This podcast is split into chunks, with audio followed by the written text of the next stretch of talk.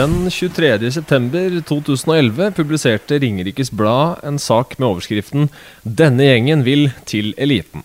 Saken bygget opp, en, opp til seriestarten i førstedivisjon, der Ringerike skulle få besøk av Lørenskog 2. Hovedtrener Martin Borch var klar i sin tale og understreket til lokalavisen at laget hans gikk ut på isen i Sjongshallen for å styre, selv om han visste motstanden ble tøff. Kampen vant laget hans for ordens skyld 6-0, men i forhåndssaken avslørte også Borch at Ringerike hadde større planer om å bli mer enn et fryktet lag i førstedivisjon på sikt. Spillemessig og organisasjonsmessig er vi ikke der ennå, men vi trenger ikke legge skjul på at opprykk er et langsiktig mål. Vi må tørre å si sånt for å lykkes, og vi er veldig klar over at det er et godt stykke jobb som gjenstår før vi er klare. Klubben trenger styrket økonomi for å kjempe seg inn i toppen av norsk ishockey, men vi skal være ydmyke på vår vei. Vi kan ikke forvente at penger skal komme før vi har prestert sportslig, men vi skal inn i Gateligaen, uttalte Borch bl.a. da. Seks og et halvt år senere kan drømmen bli til virkelighet for Borch og Ringerike Panthers. På torsdag så tar de imot Narvik til opprykksfinale her i Sjongshallen, og med det så føler jeg at eh, det ikke er så veldig mye mer enn uh, naturlig å ønske hjertelig velkommen til deg, Martin Borch, til en ny episode av Hockeyprat. Tusen takk for det. Eh, får vel egentlig starte med det kanskje de aller fleste vil lure på, siden jeg prater med deg her nå. Dere har aldri vært nærmere det store målet. Hvordan har du det akkurat nå? Nei, vi har det veldig bra. Vi er vi er jo i en situasjon som mange lag vil være i i slutten av en sesong. En eh, avgjørende finalekamp på hjemmebane. Fullsatte tribuner og et bra trøkk som venter på torsdag. Så vi har det veldig bra akkurat nå. Det har gått uh, Har det gått over all forventning så langt i kvaliken? Altså med med disse nøkkelkampene, kan man vel si, mot Kongsvinger, Ringeri, eh, Stjernen, så forventa vel man kanskje at kom til å bli for sterke. Ikke at dere har gjort dere bort der heller. Var en veldig innholdsrik kamp, kan man si, nå sist, mot Fredrikstad-laget. ja, det var, ja, det var en uh, publikumskamp, helt klart. Um, vi har vel uh, Vi har gjort en bra kvalik. Uh, selvfølgelig har det blitt nøkkelkamper mot Kongsvinger, da, som, som, vi har klart av å dra i land viktige poeng. Eh, så, sånn sett så er vi fornøyd med å havne i den posisjonen vi er i nå, da, og kunne avgjøre på hjemmebane. Sist eh, det ble noen endringer i hvem som uh, skulle spille i førstedivisjon og hvem som skulle spille i Gateligaen, så var det jo eh, MS og Kongsvinger som kom seg opp pga. Eh, ja, økonomisk trøbbel hos Tønsberg og Rosenborg bl.a. Eh, sånn som det er nå, så har jo begge topplagene i førstedivisjon klart å, å utfordre Gateliga-lag eh, på det sportslige også. Hva tenker du om det? Det må være litt ekstra moro for alt det arbeidet dere har gjort? Ja, altså vi, vi som er i førstedivisjon og har vært der eh, nå over tid, da, altså Ringerike og en del andre lag, har jo, har jo sett at uh, førstedivisjon er i utvikling. Den har uh, Nivået har hevet seg kraftig de siste tre-fire årene uh, med en jevn stigning som gjør at det var jo allerede vanvittig nære for Nidaros i fjor å klare det. Så det er at det som har skjedd nå, og det har vel eh, på en måte ligget i lufta, da, at uh, før eller siden så, så kommer førstedivisjonslagene til å yppe seg såpass at ett av dem går opp. Da. Så ikke noe som er bedre for norsk hockey enn akkurat det.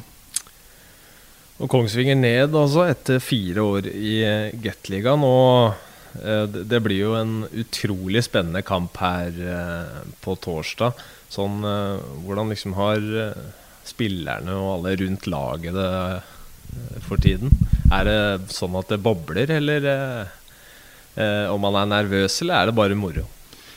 Nei, men det, det, er klart det er, det, det er, nerver. Det er litt eh, sånn at det er anspent eh, hos både spillere og, og, folk rundt laget. Det skal man være ærlig på. Men eh, det er jo en del av denne pakka å kalle seg selv en elitespiller eller en eliteorganisasjon. Å kunne takle anspen, anspenning og, eh, også da press og, og leverere. Da. Så, så den utfordringen er jo noe vi gleder oss til i tillegg.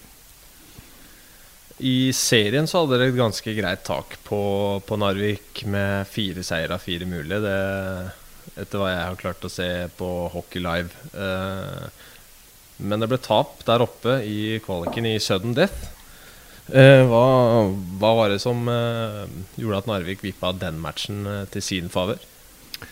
Akkurat den siste matchen så var jo Narvik bedre enn oss egentlig i tre perioder. Vi, vi hadde et vi hadde et godt keeperspill. Emil sto godt for oss, og vi fikk noen enkle mål med oss som vi kanskje egentlig ikke fortjente. Så var vi med lenger enn hva vi mm, spillet tilsa. da.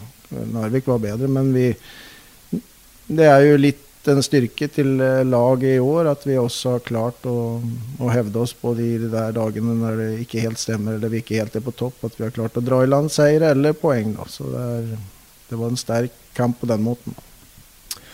Så for din egen del, eh, hvis vi skal se litt eh, på begge lagene, da. Er det noen spesielle styrker som Narvik har, og noen spesielle styrker dere har, og noen spesielle svakheter også på begge lagene, der man liksom er litt forskjellige som lag? Ja, altså Det som er gøy med Narvik og Ringerike, det er jo at vi er ganske like. Vi er vi er offensive. Vi vil styre kampen begge, begge lag. Eh, gås eh, mye på skøyter og mye forover i, i hardt press. Eh, så kampene har jo vært veldig underholdende og fartsfylte. Og det har jo kunnet vippe den ene eller andre veien i alle kampene, egentlig. Så Eh, vi er ganske like, begge lag, synes jeg. da. Sen er det jo enkelt ting, små detaljer som skiller, men i store hele så er det to ganske like offensive hockeylag som skal møtes på torsdag. Stjernen, eh, som nevnt, ganske så suverene med 15 poeng så langt. Eh, Narvik gikk forbi dere med seier mot Kongsvinger nå i forrige runde. Og har åtte poeng, mens dere har syv sånn eh, gjennom eh, kvaliken? Har det vært noe fra deres del stabilt prestasjonsnivå, eller har det vært litt opp og ned?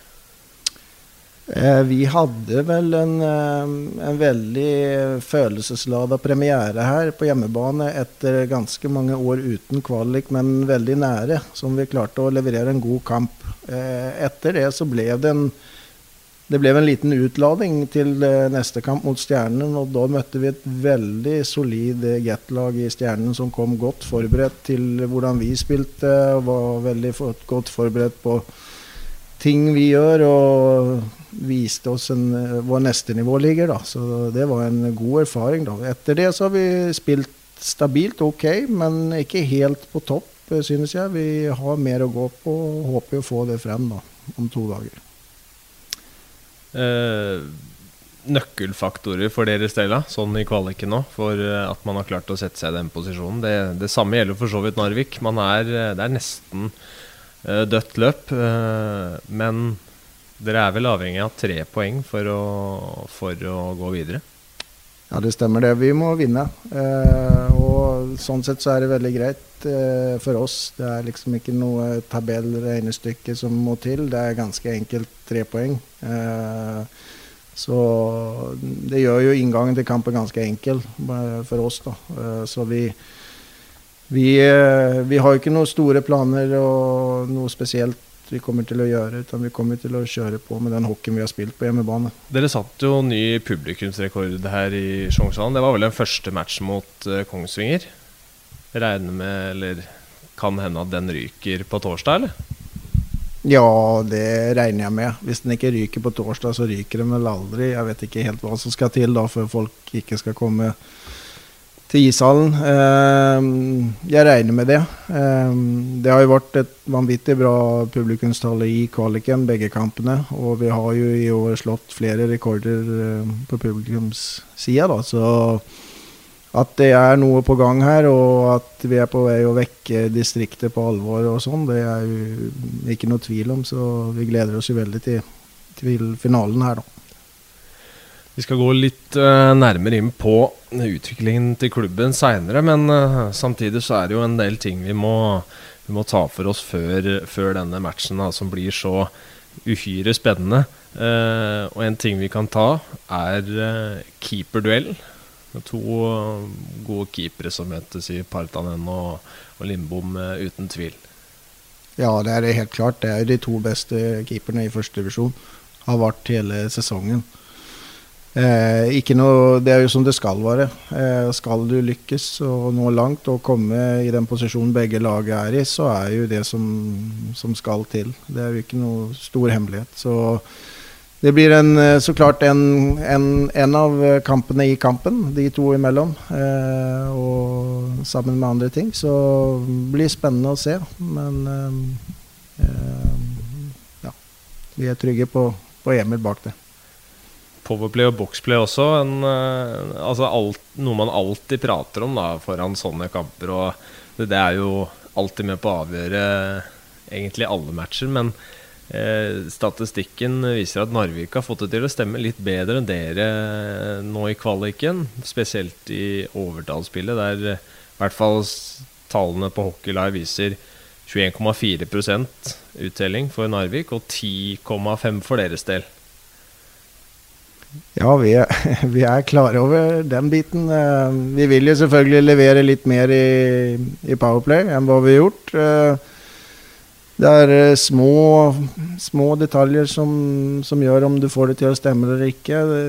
Mye av nøkkelen for oss i Ringerike hele tida er jo at vi har, vi har tro på Powerplay vårt, som var veldig bra i serien det har vist, og vi har skåret de siste kampene, så det er på gang. Og det gjelder å ikke bli for stresset av at et powerplay ikke funker plutselig, for det, det skjer. Eh, og jeg er veldig trygg på at eh, de gutta kommer til å levere nå på, på torsdag.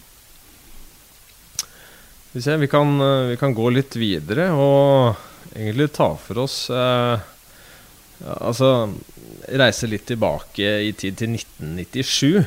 For det var vel da du først kom til Norge sammen med, med Leif? Ja, altså, det var vel Ja. ja han, var jo, han var jo her allerede, i jobb. Eh, jeg var vel en uh, ung, uh, en ung spiller som hadde hatt et år i USA og leita etter en ny klubb. Og fikk et tips om Lørenskog, som på en måte den sesongen begynte med helt blanke ark etter litt økonomiske problemer. og fikk skapt en bra inngang for meg som spiller da, til å prøve meg i, Lørenskog. Og planen var jo selvfølgelig at jeg skulle bli der noen måneder og, og, se hvordan det var i Norge. Og nå sitter jeg her i 2018 og prater i podkast, og det har jo vært litt av en reise. Ja, det har gått mer enn mer enn 20 år? ja. Nei, det var det var veldig bra, veldig bra år i Lørenskog. Eh, det var selvfølgelig sportslig en tøff tid for, for Lørenskog når jeg spilte der. Det var jo mye i bånn av eh, Eliteserien, som det var het da. Og så i førstedivisjon, litt opp og ned. Men en, men en fin spillergruppe. og veldig mange bra mennesker i Lørenskog og rundt klubben da, som, eh, som, gjorde en god jobb da, og som uh, har vært viktige på den reisen de har hatt da, etterpå. Siden jeg forlot dem i 2007, var det vel.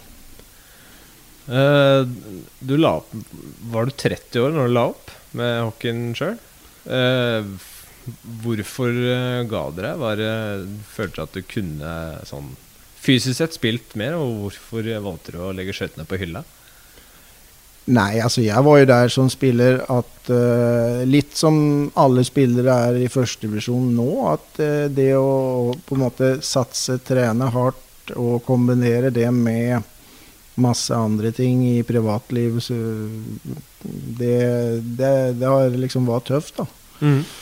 Eh, og jeg var liksom aldri noen sånn blendende tekniker eller noen som gikk fort på skøyter. Det gikk heller litt sakte på skøyter, og da måtte jeg alltid være veldig godt forberedt til hver sesong og trene hardt og gjøre den jobben. da. Når motivasjonen, energien, ikke helt var der lenger, da, da hadde jeg ikke lyst til å gjøre det halvveis. Så da var det annet med hockeyen som var lokkende i forhold til eh, trenerkarriere. og få mulighet eh, videre da, i Lørenskog den gangen og jobbe med U15-laget som jeg hadde eh, sesongen etter jeg la opp. Så ja, hockeyen levde jo videre. Har noen uh, spillere på det laget der som fortsatt er aktive, eller på det U15-laget? Ja, det er noen. Vi har uh, Simen Nilsen som har spilt i Kongsvinger bl.a. Uh, noen her som er i førstedivisjon uh, som jeg coacher imot og har hatt her litt grann i, i Ringerike også, så det er et par igjen mm. der. Du har vært trener her i Ringerike Panthers siden 2010. Hvordan, hvordan endte du opp her, egentlig? Nei, det var Min, min kone er herfra, fra nabo, nabostedet Jevnaker. Så det ble en eh, Det ble en flytt opp hit eh, som, som, gjorde at vi forlot Lørenskog og så oss om etter et sted å finne oss til ro. da. Så det var litt sånn eh, reisa starta opp hit. og i 2010 når vi kom opp, så var det jo også ting på gang her da, med, med hockeylaget som, som falt sammen på en bra måte. Har det liksom ligget i korta for din del, eller da du ga deg da med hockey sjøl som spiller, hadde du allerede da bestemt deg for at du, du hadde lyst til å, å, bli trener? Eller var det noe som, eh, som kom da? Nei, jeg hadde vel eh, lyst til å prøve eh, å, å, starte en trenerkarriere, i hvert fall. Eh, karriere høres jo litt sånn voldsomt ut. Man som spiller er man jo veldig nysgjerrig på om man i hele tatt klarer å lære bort ting på en bra måte. Det er jo én ja. ting å kunne det sjøl og ha meninger, men så skal man jo da formidle det til spillere på en ålreit måte. Så eh, jeg var jo nysgjerrig og tok noen trenerkurs og begynte fra bånn der. og eh, det er ikke noe jeg angrer på nå, men, eh, men, å si at jeg hadde en stor plan akkurat da, det hadde jeg jo ikke. Men jeg var nysgjerrig, det var jeg. Er det noen erfaringer som, fra spillertiden som du, som du, har tatt med deg og, og liksom vedvart ved din stil som trener? Noe, noen ting man blir obs på, eller føler at uh, de teknikkene der fungerer bedre enn de, eller? Nei, altså jeg, jeg har jo ved siden av hockeyen hatt en uh, lærerutdanning. Uh, jeg er jo lærer i full jobb og har jo, har jo det som ryggraden. Da. Jeg er jo en pedagog like mye som en som en uh, head coach. Da. Så jeg er vel av den uh, trua Jeg har jo veldig tro på tålmodighet i ting. At uh, vi vil jo gjerne i det moderne samfunnet ha resultater med en gang. Helst så skal vi bare trykke på telefonen eller ta oss en energidrikk, og så skjer det ting. Ja. Vi, jeg er vel mer av det tålmodige slaget som stole på denne evnen og jobbe med hele mennesket. Det, er jo, det er jo et menneske her i hver spiller da, som du skal få fram ting i. Da. Og det tar oftest litt mer enn én hockeysesong. Så ja, der er vel jeg. Er det utfordrende å, å, ha en sånn filosofi i et samfunn som du sier, hvor man veldig ofte krever resultater, at ting skal skje med en gang? Ja, det er jo det. Klart, du, jo, du må jo leverere litt. Du må balansere tålmodighet og prosesser med, med resultat. Eh, det gjør jo trenerjobben enda mer utfordrende og spennende. Eh, at du må klare litt begge ting samtidig. Eh, så, så lenge du ikke mister fotfestet eller beina på jorda, så, så, kan det gå an. Da. Men der er du òg veldig avhengig av folk folk rundt en selv. Da. Men det er jo helt klart at det er jo liksom eh, dette her med Ringerike og at vi har kommet dit der vi har gjort nå, er jo ikke noe one man-show akkurat. Det er jo et uh, vanvittig bra team rundt laget. Alt fra trenere, lagledere, støtteapparat uh, og styret her som har gjort reisa sammen med meg. Da. Ja. Eh, noen spesielle sånn vi skal si, utenfor kjernen her i klubben som, som har vært eh, sånn inspirerende for deg som trener? Eh, eller fungert som en slags sparringspartner som du har kunnet liksom ja, hva skal man si, lufta litt ideer eller letta litt på trykket eller sånne ting? Ja, altså jeg har jo For fire sesonger siden så kom jo Per Braksenholm hit, da, som er min assistenttrener i dag. Som er den, den som får både den luftinga og tankene og ideene. Og vi har et veldig nært og godt samarbeid, og Per har bidratt på en utrolig god måte til både til spillergruppa, men også inn i klubben. Da, så ja. Der har du vel den nærmeste som får høre det mest. Så han har, han har vært viktig for at, for at, man er der man er eh, nå? Ja, altså du, du, vil jo da Skal du være trener lenge på ett sted, så må du jo føle at det går forover hele tida. Eh, med en gang det stagnerer, så da, da mister du fort motivasjon. Da. Og eh, det gikk jo veldig rett opp første tre årene. Vi tok oss jo fra null og ingenting og en tryout til på tre år spille kvalik og nesten rykke opp Eh, før vi var klare for det, egentlig. Ja. Eh, og sånn etter det så hadde vi litt sånn mellomsesong, men i den perioden der så kom Per inn. da, det, var, det er liksom litt der det starta med dette her teamet som er rundt laget da, da, som har gjort en veldig god jobb. Kommer fra en hockeyfamilie også. Jeg regner med at uh, Leif har hatt litt å si uh, for deg også? Ja, altså han Det er klart at uh, med det etternavnet som som Borch-navnet er da i hockeymiljøet, så er det klart at eh, det er jo noe jeg har fått vokst opp med. Men eh, først og fremst så har jo pappa aldri vært en hockeytrener for meg. Han har jo vært først og fremst en far. da, og vært veldig, som alle andre fedre, støttende selvfølgelig, men ikke noe eh, som skal fortelle meg hvordan det skal gjøres eller trenes eller gås på skøyter. Han har vært eh, mer som mange andre hockeypappaer er, da, enn noe annet. Så en støtte helt klart, og glad for det, men eh, ikke noe som blander seg i for mye. Jeg har fått et spørsmål fra Hans Christian Valseth, som lurer på hvordan det er å ha en trenerlegende som far når man selv er trener. Er det sånn Føler at det ligger noe eh, hva skal man si, forventninger opp til navnet, eller eh, har ikke det vært noe utfordring for din del?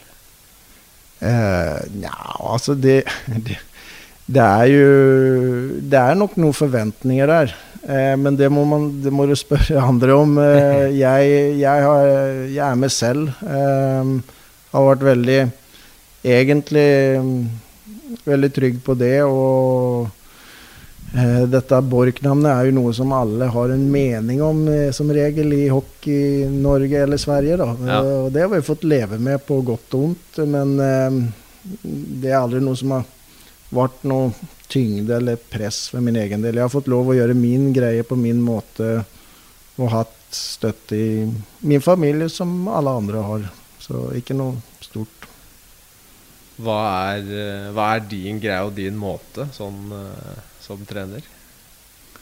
Nei, altså det er som jeg var litt inne på, det er, det er ikke noe sånn der wow-faktor at jeg har noe hemmelige resept eller uh, hemmelige treningsplaner. Det er hardt, hardt, arbeid og litt tålmodighet og ikke stresse seg opp for mye om motstanderen er litt bedre eller foran deg eller noe sånt, utan tro på det du gjør, se til at det går litt forover hele tida. Eh, noen ganger så går utviklinga rasende fort, andre ganger så litt saktere.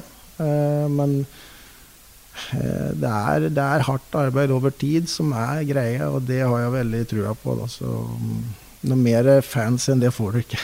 Nei, men det Du skal få lov til å ha din egen filosofi. Eh, og altså, det å være trener i førstedivisjon i Norge er jo for de aller fleste, vil jeg tro, ganske annerledes enn å være trener i Gateligaen. Du nevnte du jobber som lærer også. Eh, det er jo en jobb som man kan si mye om, og jeg regner med også tar en del energi samtidig som det også kanskje gir litt. Ja, altså alle førstedivisjonstrenere gjør jo en eh, Altså vi har jo alle våre Stort sett i hvert fall så er vi jo på jobb først, og så er dette her en bonus og noe man egentlig pør, spørre litt pent om om man får lov til å drive med av familien sin ved, ved siden av. Eh, fordi det er klart at det koster mye. Eh, men eh, alle førstevisjonslag har veldig, en veldig bra kjerne av trenere som er veldig dedikert og gjør en utrolig god jobb. Da. Så Så at eh, vi mm, Det er jo bra at man får representere førstevisjonen her i kvaliken på en bra måte. Da. Virker som en uh, familiemann også. Samtidig som altså, jobben og, og den uh, trenerjobben her tar mye tid. da. Ja, altså det er jo fullt opp her med familie i tillegg.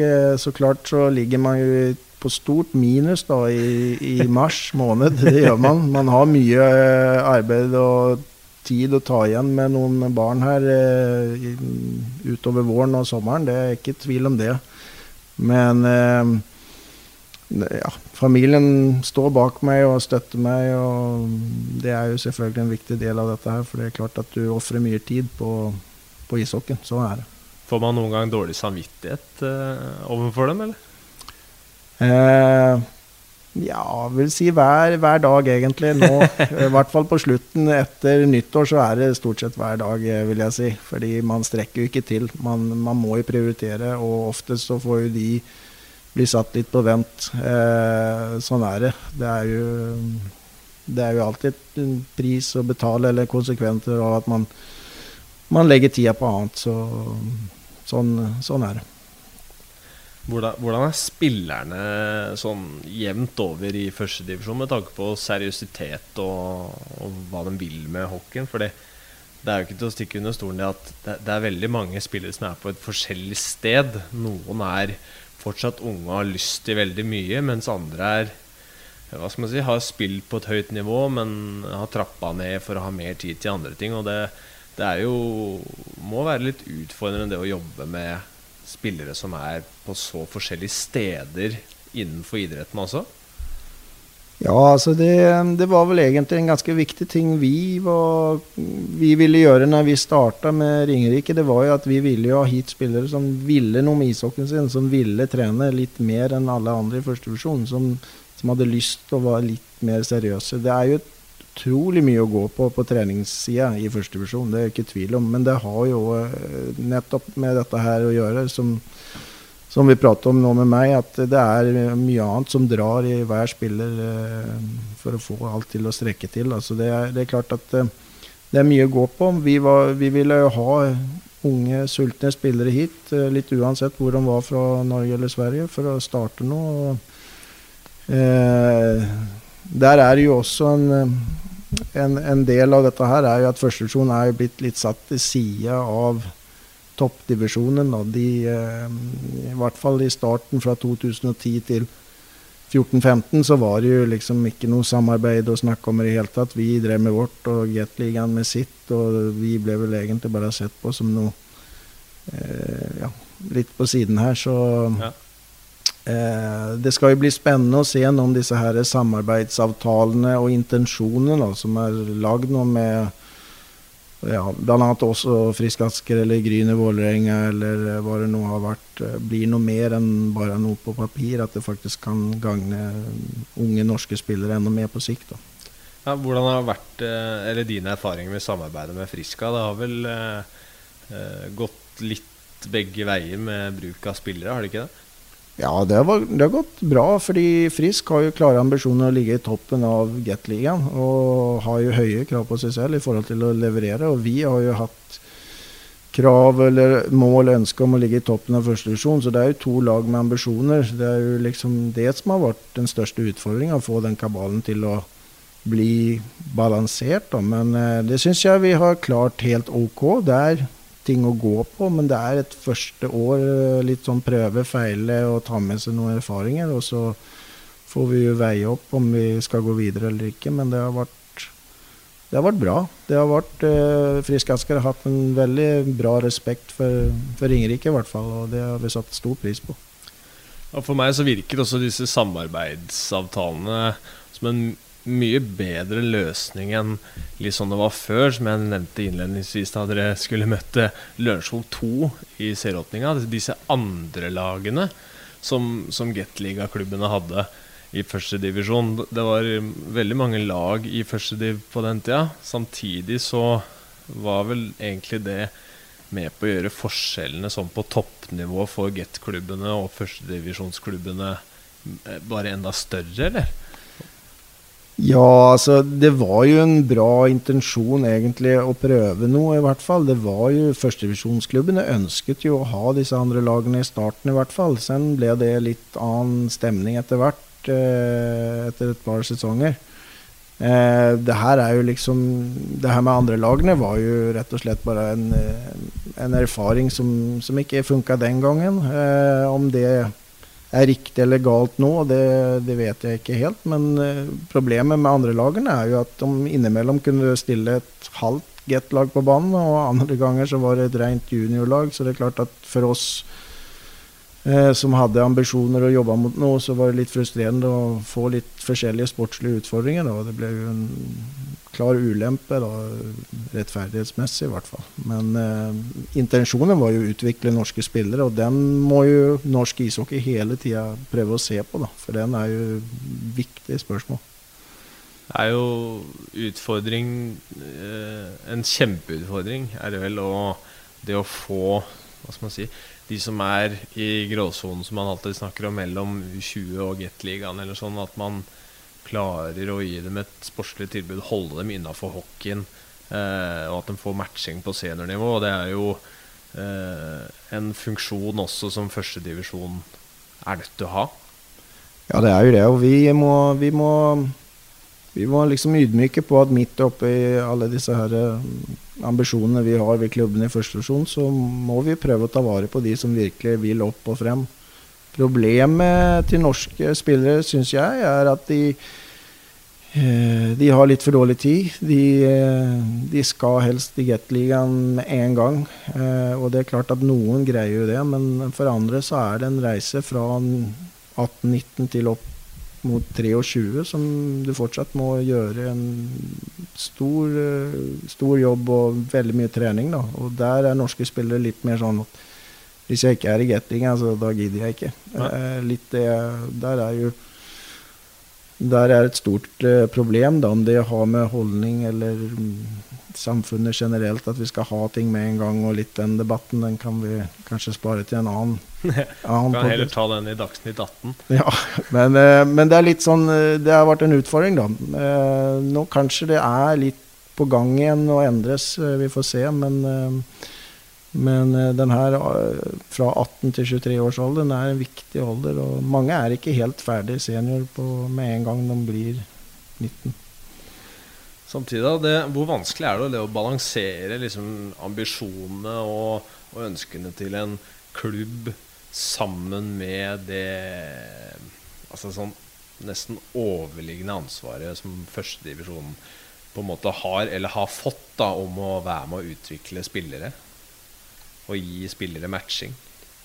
Ja, det er, det er, vanskelig. Det er problemet nå, det største problemet i førstedivisjon, er serieoppsettet. Vi har jo en serie som gjør det vanskelig for oss trenere med at det er to lag som går til kvalik. Det er det vi har å tilby av sluttspillhockey her. Og så er det 32 kamper i år, da, eh, som er veldig lite. Eh, ja. Så hvis du da havner i en dårlig periode en eller annen gang under høsten, så er nesten løpet kjørt, og da blir det fort panikk. og da coacher man hardt på de beste og lar de litt yngre kanskje få sitte litt mer enn hva de skal gjøre, og så mister de motivasjonen. og Det er vel det neste steget for førstevisjon, som jeg ser, det er jo å lage et seriesystem der vi får til en playoff eh, lag som kanskje starter dårlig på høsten, kan faktisk finne en sånn annen vei inn i sluttspill. Eh, og i tillegg da hjelpe oss coacher med å faktisk ikke bli superstressa med en gang det ikke funker. De kunne ha litt tålmodighet og gi den eh, unge norske spilleren litt mer tid, fordi du kan faktisk komme på femteplass eller fjerdeplass og få spille et playoff. og Eh,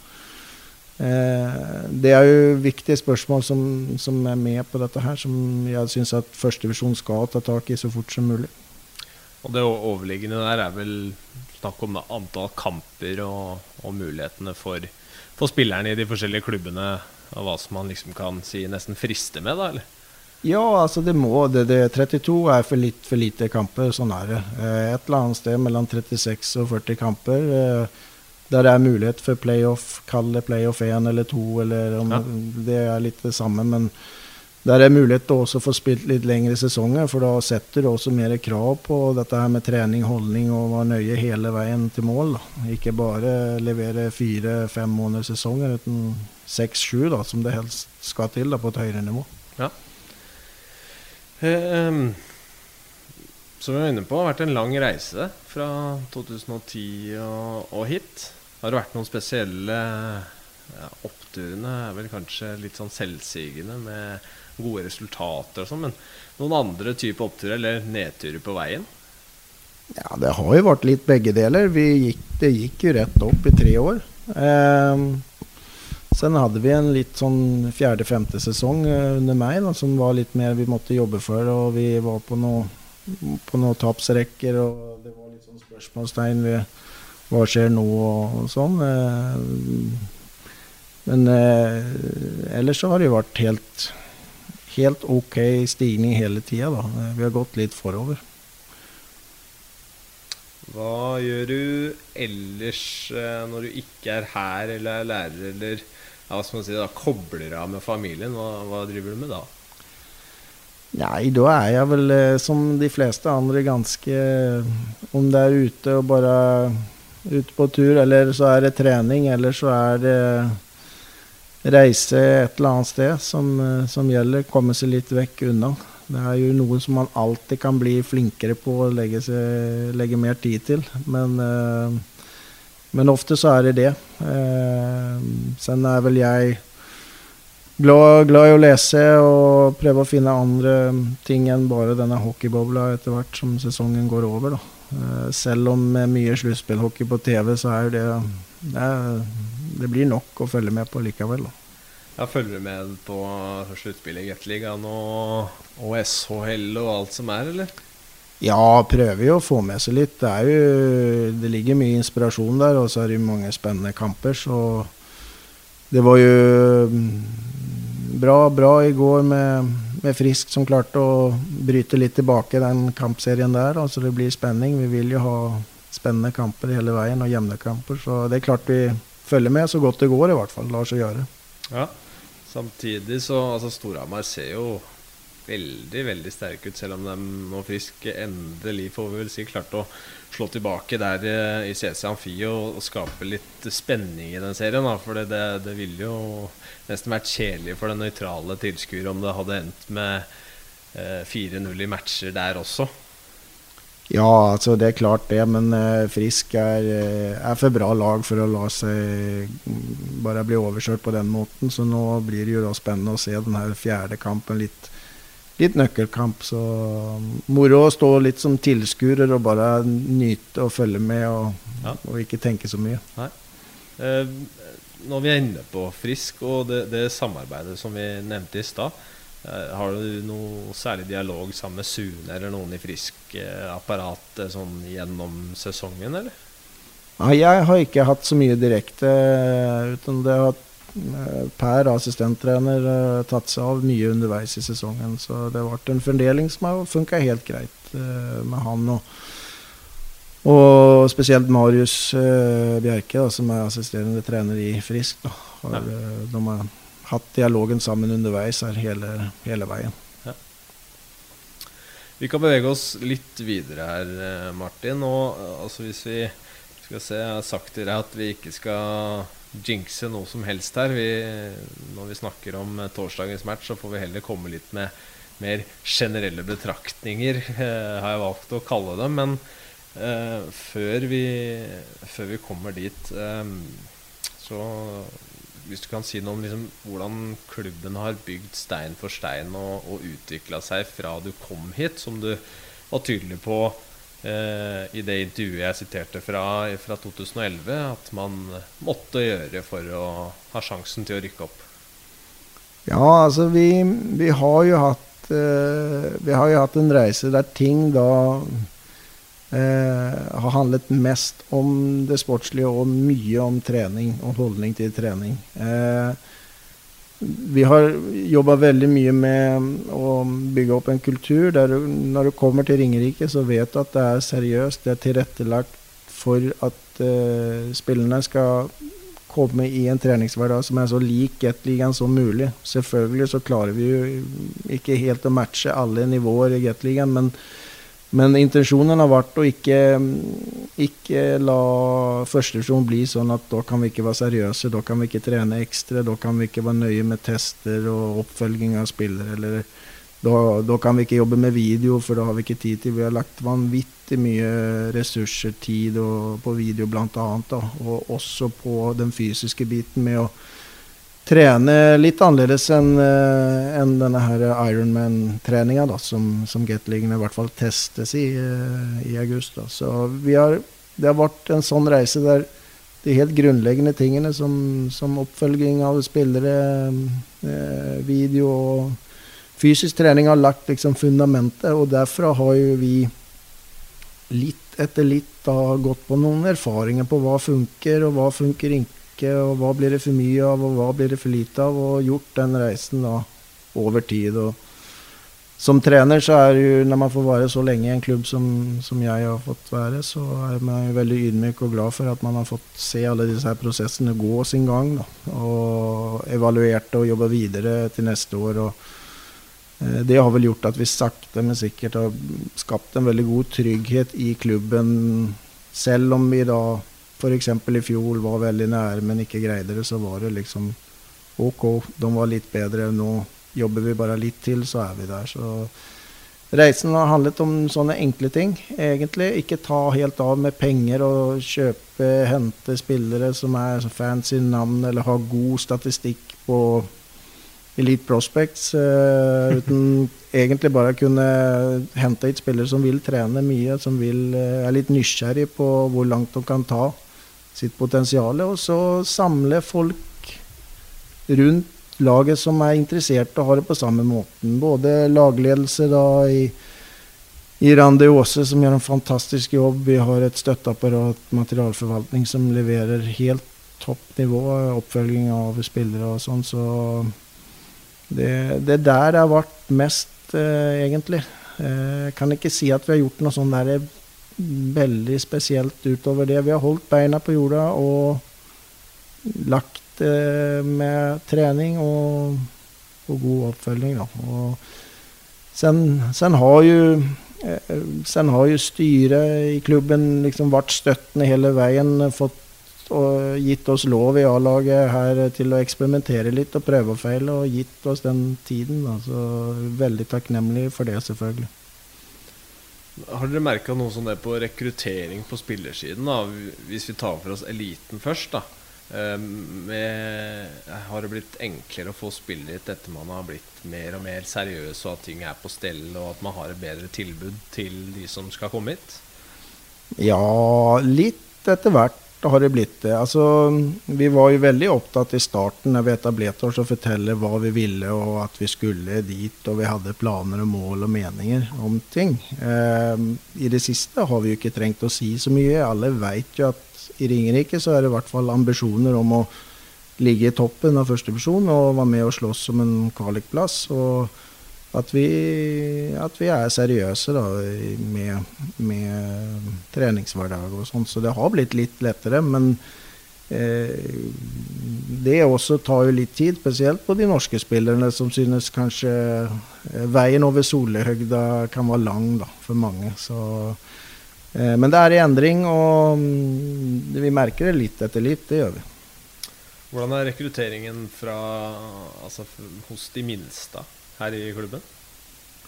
Eh, nei, men samtidig som vi har hatt disse ambisjonene i, med A-laget i toppen, så har det jo vært eh, like hardt arbeid eh, som har blitt gjort eh, nede i bånn. Ja. Eh, klubben har vel egentlig fått begynt litt om igjen.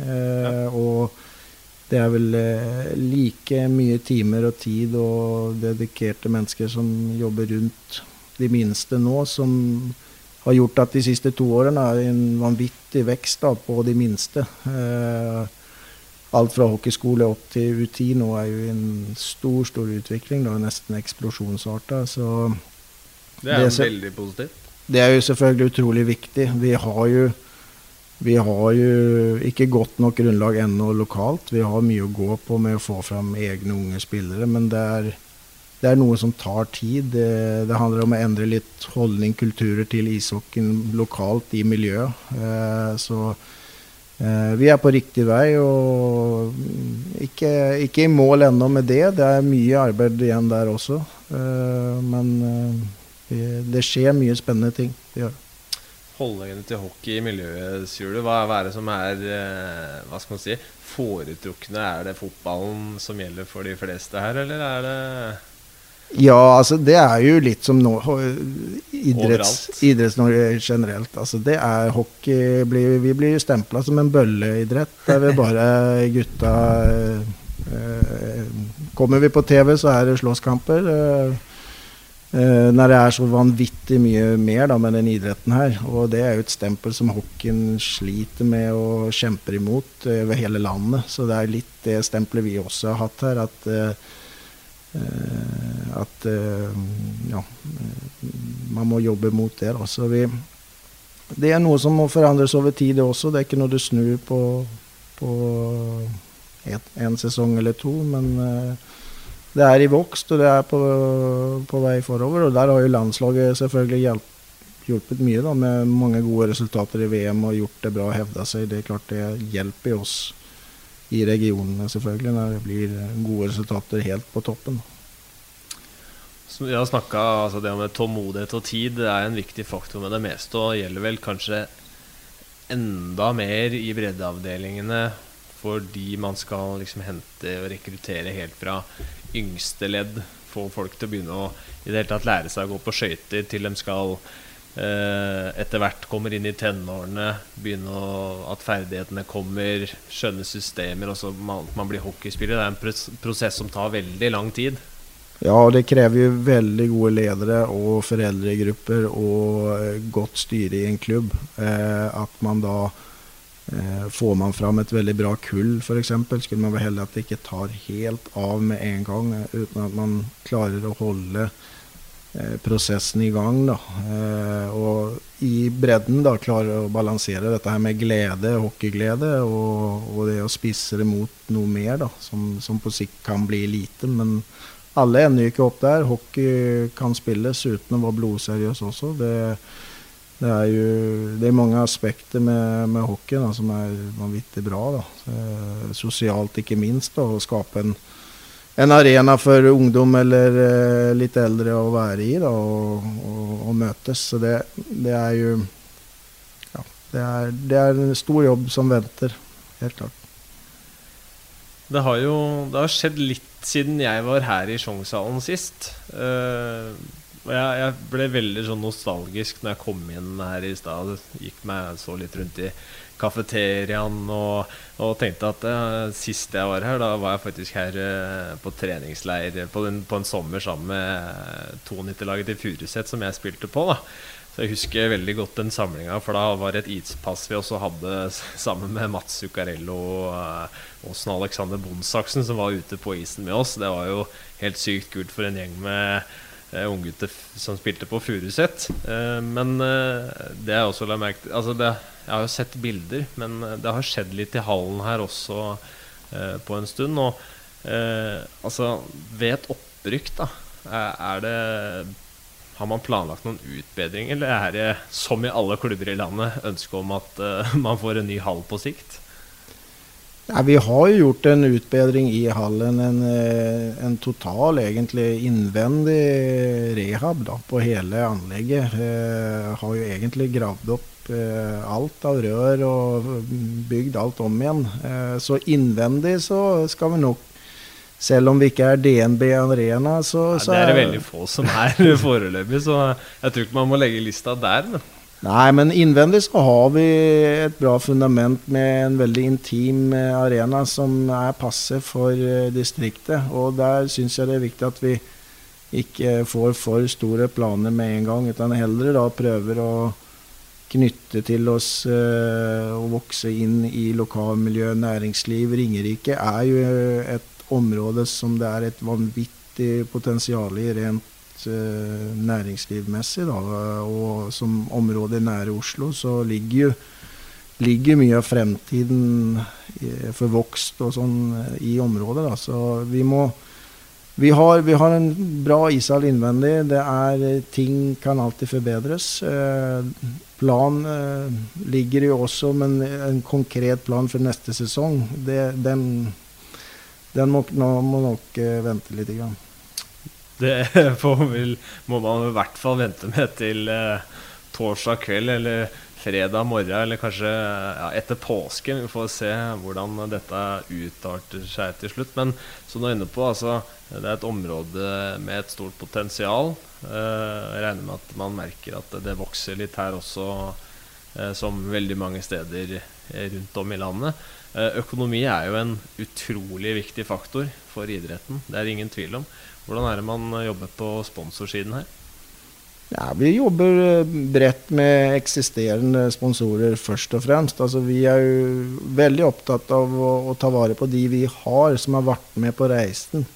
Eh, og støtta oss litt i med- og, og motgang her. Eh, de har vært ekstremt viktige for oss. Eh, og først og fremst så skal, uansett hva som skjer, så skal Ringerike ishockeyklubb ta vare på de. Eh, at de blir med videre. Eh, og sen selvfølgelig vil jo vi så, så, langt det lar seg gjøre, bli attraktive ut mot hele distriktet. Det er klart det er mye å gå på, men, eh, men først og fremst nå, uansett hva som skjer, om det blir førstedivisjon eh, videre eller om det blir get, så er det jo å ta vare på det vi har. Vi er veldig fornøyde med det vi har. Og sen, at det trengs mer og en større kake, og økonomisk kake, det, det ligger litt i korta. men men eh, å uttale seg om hvor mye og, og sånn eh, som skal til, det, det, er ikke noe tilfelle nå, i hvert fall. Nei, det får vente, kan vi si. Eh, hvordan merker dere liksom interessen fra lokalsamfunnet, sånn tilskuermessig, og interessen rundt hockeyen her? Nei, det er, det er, veldig spennende. Nå, nå, nå, blir nok denne ishallen helt testa til sin makskapasitet på torsdag. Og vi har jo hatt noen veldig bra kamper her i kvaliken og under sesongen. Så det er eh, Det har vært litt sovende under eh, noen år, men nå er det på vei å eksplodere. Og håper at vi kan sette full fyr da, på, på alt sammen her nå med et godt resultat. Føler at dere får dra hjelp av lokalpressen, eller er det litt å gå på der, eller? Nei, de har vært veldig flinke. Lokalpressen gjør en veldig god jobb i forhold til å støtte oss. Har gjort helt siden starten, eh, hele veien. Eh, veldig lett å samarbeide med, og en god jobb, eh, syns jeg, hele, hele, veien. Ja.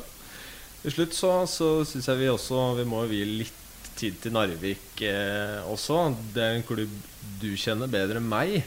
Eh, samtidig som du ikke har noe ansvar overfor det. Men samtidig har det vært veldig interessant og morsom den utviklingen som har skjedd eh, oppe i nord også. Ikke minst for, for hockeykulturen eh, i Narvik.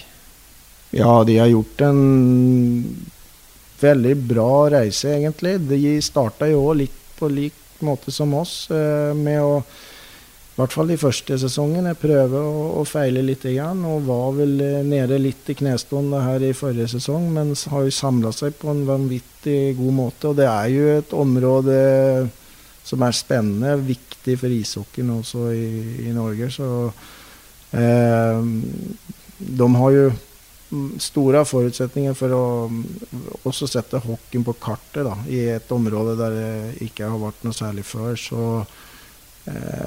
ja, vi, vi er imponert over den reisen de har gjort, og syns at de både leverer topp der oppe på hjemmebane, men også er et veldig bra hockeylag å få på besøk da, i form av uh, bra ishockey, offensiv ishockey og mye fart. Da. Så er det morsomt at uh, to av førstedivisjonsklubbene her skal gjøre opp om hvem som rykker opp uh, og spiller i Gateligaen neste år. Eller til høsten blir det jo selvfølgelig.